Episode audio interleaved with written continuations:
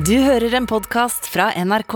I dag har vi eh, samla en usedvanlig fin gjeng. Vi starter her med Nasnin Khan Østrem, forfatter og kommentator i Aftenposten. Velkommen.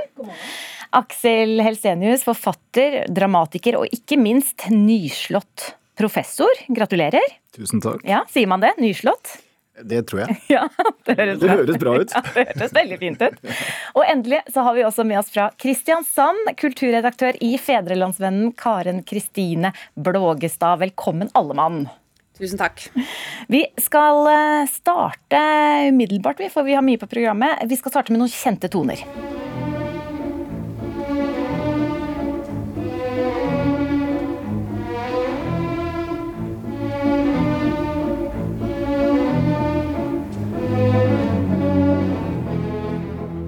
Kunne hørt lenge på dette. Det er Svanesjøen, et utdrag eh, av Pjotr Tsjajkovskij. Kilden teater- og konserthus i Kristiansand avlyste nylig samarbeidet med St. Petersburg Ballett Theatre, som etter planen skulle fremføre nettopp denne, Svanesjøen. Også flere kulturinstitusjoner har valgt å boikotte statlige russiske aktører, slik som Den Norske Opera og Ballett og Munch-museet. Samtidig øker interessen for russisk litteratur. Bøker om Russland og russisk historie har havnet på topplister i flere bokhandlere eh, landet rundt. Spørsmålet til panelet blir dermed er boikott av russisk kultur fornuftig? Vi starter med deg, Nasnim. Jeg tenker at det Du skal bare si ja og nei først. Eh, Må jeg si ja eller nei? Det må du. Ja. Aksel. Nei. Karen Kristine. Sanksjoner ja, boikott nei. Ja, der tok du en eh, litt sånn Ja, eh, uant variant. ja, det var smart, Kristine. Jeg vant første runde, vil jeg si. Ja. Vi starter da i Kristiansand, fordi du var jo eh, en av dem som var positive til denne avlysningen ved Kilden, Karen Kristine. Ja, jeg syns at det er riktig av kulturverdenen å reagere på den volden som eh, det russiske regimet utviser i Ukraina nå. Og jeg er veldig for eh, de retningslinjene som Norsk teater- og orkesterforening har sendt ut, hvor de gir litt tillit til kulturinstitusjonene, men anbefaler å ikke støtte da statsstøttede russiske ensembler eller institusjoner osv. Og så syns jeg jo en boikott altså, altså Det er jo et definisjonsspørsmål, men jeg syns det blir rart å skulle plukke ut Dostojevskij fra bokhyllene i bibliotekene osv. Eller ikke spille Tsjajkovskij i det hele tatt, for at Russland har en stor kulturarv som er en verdensarv. Og den må vi bruke kanskje mer enn noen gang, men jeg syns det går eh, en forskjell på, på Altså det er en forskjell på boikott og sanksjoner, og sanksjoner er jeg veldig for. Et skille her, altså. Nasim, du var jo også enig Du sa ja til slutt? Ja, altså jeg mener at det er viktig å um, eh, å, å på en måte ta stilling eh, mot statlig kultur fra Russland nå. eh, fordi man må vise at man ikke anerkjenner den volden som pågår i Ukraina, som Karen Kristine er inne på. Eh, men det er stor forskjell på det liksom, å å boikotte den russiske litteraturen. For det å forstå måte, den nasjonale psyken er jo ekstremt viktig i disse tider. Hva er gjør, hva er det som motiverer Russland til å tenke slik de gjør? Um, det tenker jeg er uhyre viktig i det store bildet. Um, men jeg tenker samtidig, man vet jo at um, nettopp gjennom statlige organisasjoner så fremmer man jo også et bestemt syn på verden som akkurat her og nå eh, må man ta en stilling til. Og da mener jeg at det er viktig å, å sette foten ned. Helstenius. Nei, altså Jeg sa nei fordi at jeg egentlig besvarte om det er fornuftig. For jeg tror jo egentlig ikke det er fornuftig. Jeg, jeg kan være med på at det er nødvendig, men fornuftig tror jeg rett og slett i stor sammenheng ikke det er.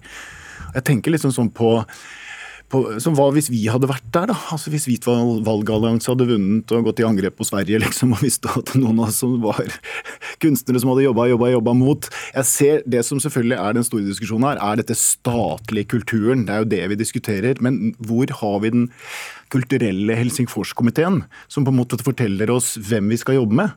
Den eh, mener jeg må på plass med en gang, slik at vi på en måte får støtte de kulturuttrykkene, de kunstnerne, de kulturarbeiderne som har motarbeidet eh, Putin hele veien. For den, jeg, den diskusjonen kommer jo aldri opp. Kan vi ikke bare med en gang si de og de og de vil vi ha? De skal vi ha inn. Vi skal ha dem. Vi skal få deres som du sier, altså folk vil lese om Russland, de vil lese Russland, men fordi at vi vet for lite. Mm. Men dette har jo Norsk kulturråd f.eks.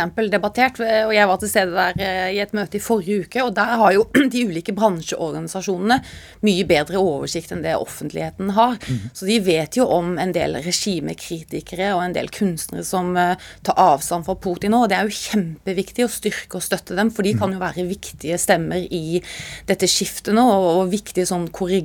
Og, og de kan jo være med å opplyse den russiske befolkningen, men jeg syns jo at det som representerer kan sies å representere det russiske regimet nå, det må vi ta avstand til. Vi kan ikke liksom fortsette med en sånn liksom-normalitet i den kulturelle verdenen når eh, Putin tyr til vold. Vi er på et punkt da hvor dialog har opphørt. Vi må videre, dessverre. Vi kunne ja. snakke bare om det her. Eh, oppmerksomheten denne helga er retta også mot eh, LA Hollywood. Det har de fleste fått med seg. Det dreier seg om den eh, norske filmen 'Verdens verste menneske'. Jeg tror en bok, jeg.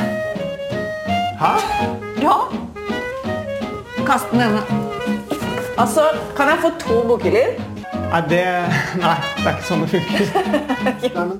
ja, Den har vi hørt, kanskje dette her også. Det er en outsider. Jeg ligger ikke på topp på bettinglistene, men har også to nominasjoner. Spørsmål til panelet. Kan en Oscar revolusjonere norsk film? Og da starter vi med deg, Aksel Helstenius. For du har jo, du har jo vært på den røde løperen i Hollywood, du. Jeg har vært der. Med filmen 'Elling', ja. nominert. Mm. Men kan det bety en revolusjon for norsk film? Ja eller nei? Nei.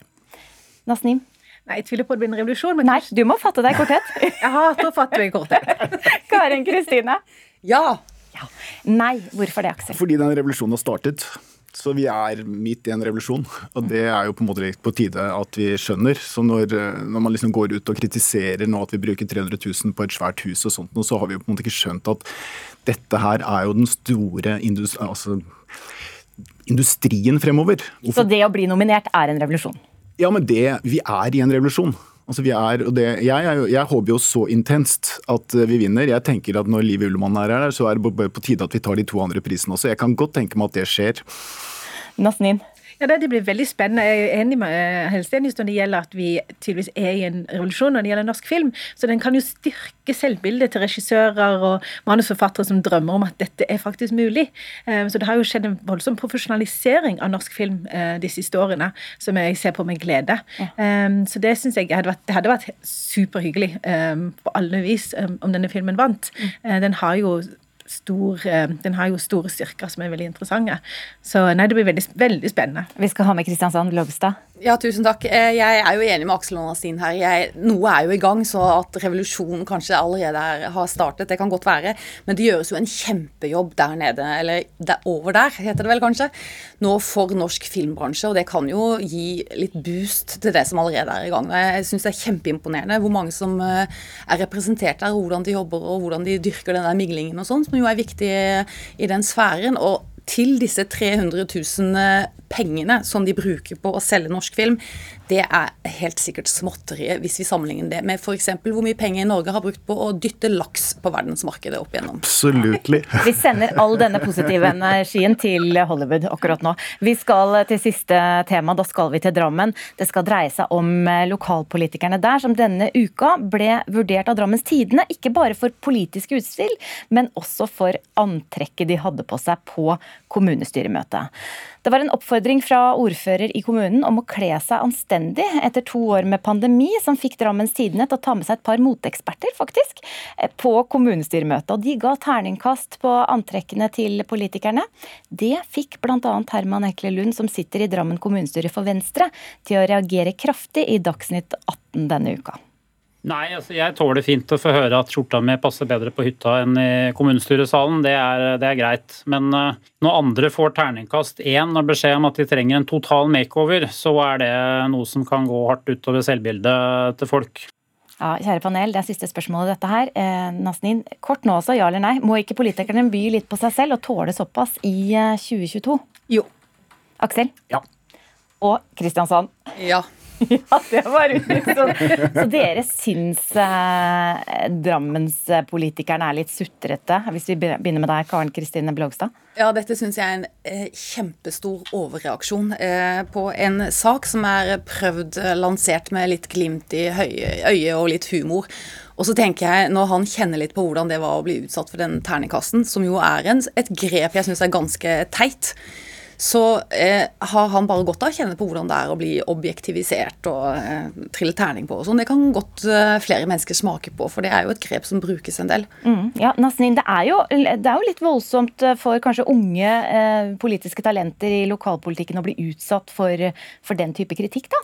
Ja, må, det er jo gjort med glimt i øyet. Så hadde Drammens Tidende et veldig godt poeng at ved denne type anmeldelser av hvordan de gikk kledd, så ble Drammen, altså leserne av Drammens Tidende bevisstgjort på hvem politikerne er. Sant? Det er jo en veldig viktig funksjon. Ok, det er tullete og teit, men kanskje folk som ikke er opptatt av politikk i det hele tatt, plutselig tenker seg om å ja, men dette er politikerne mine.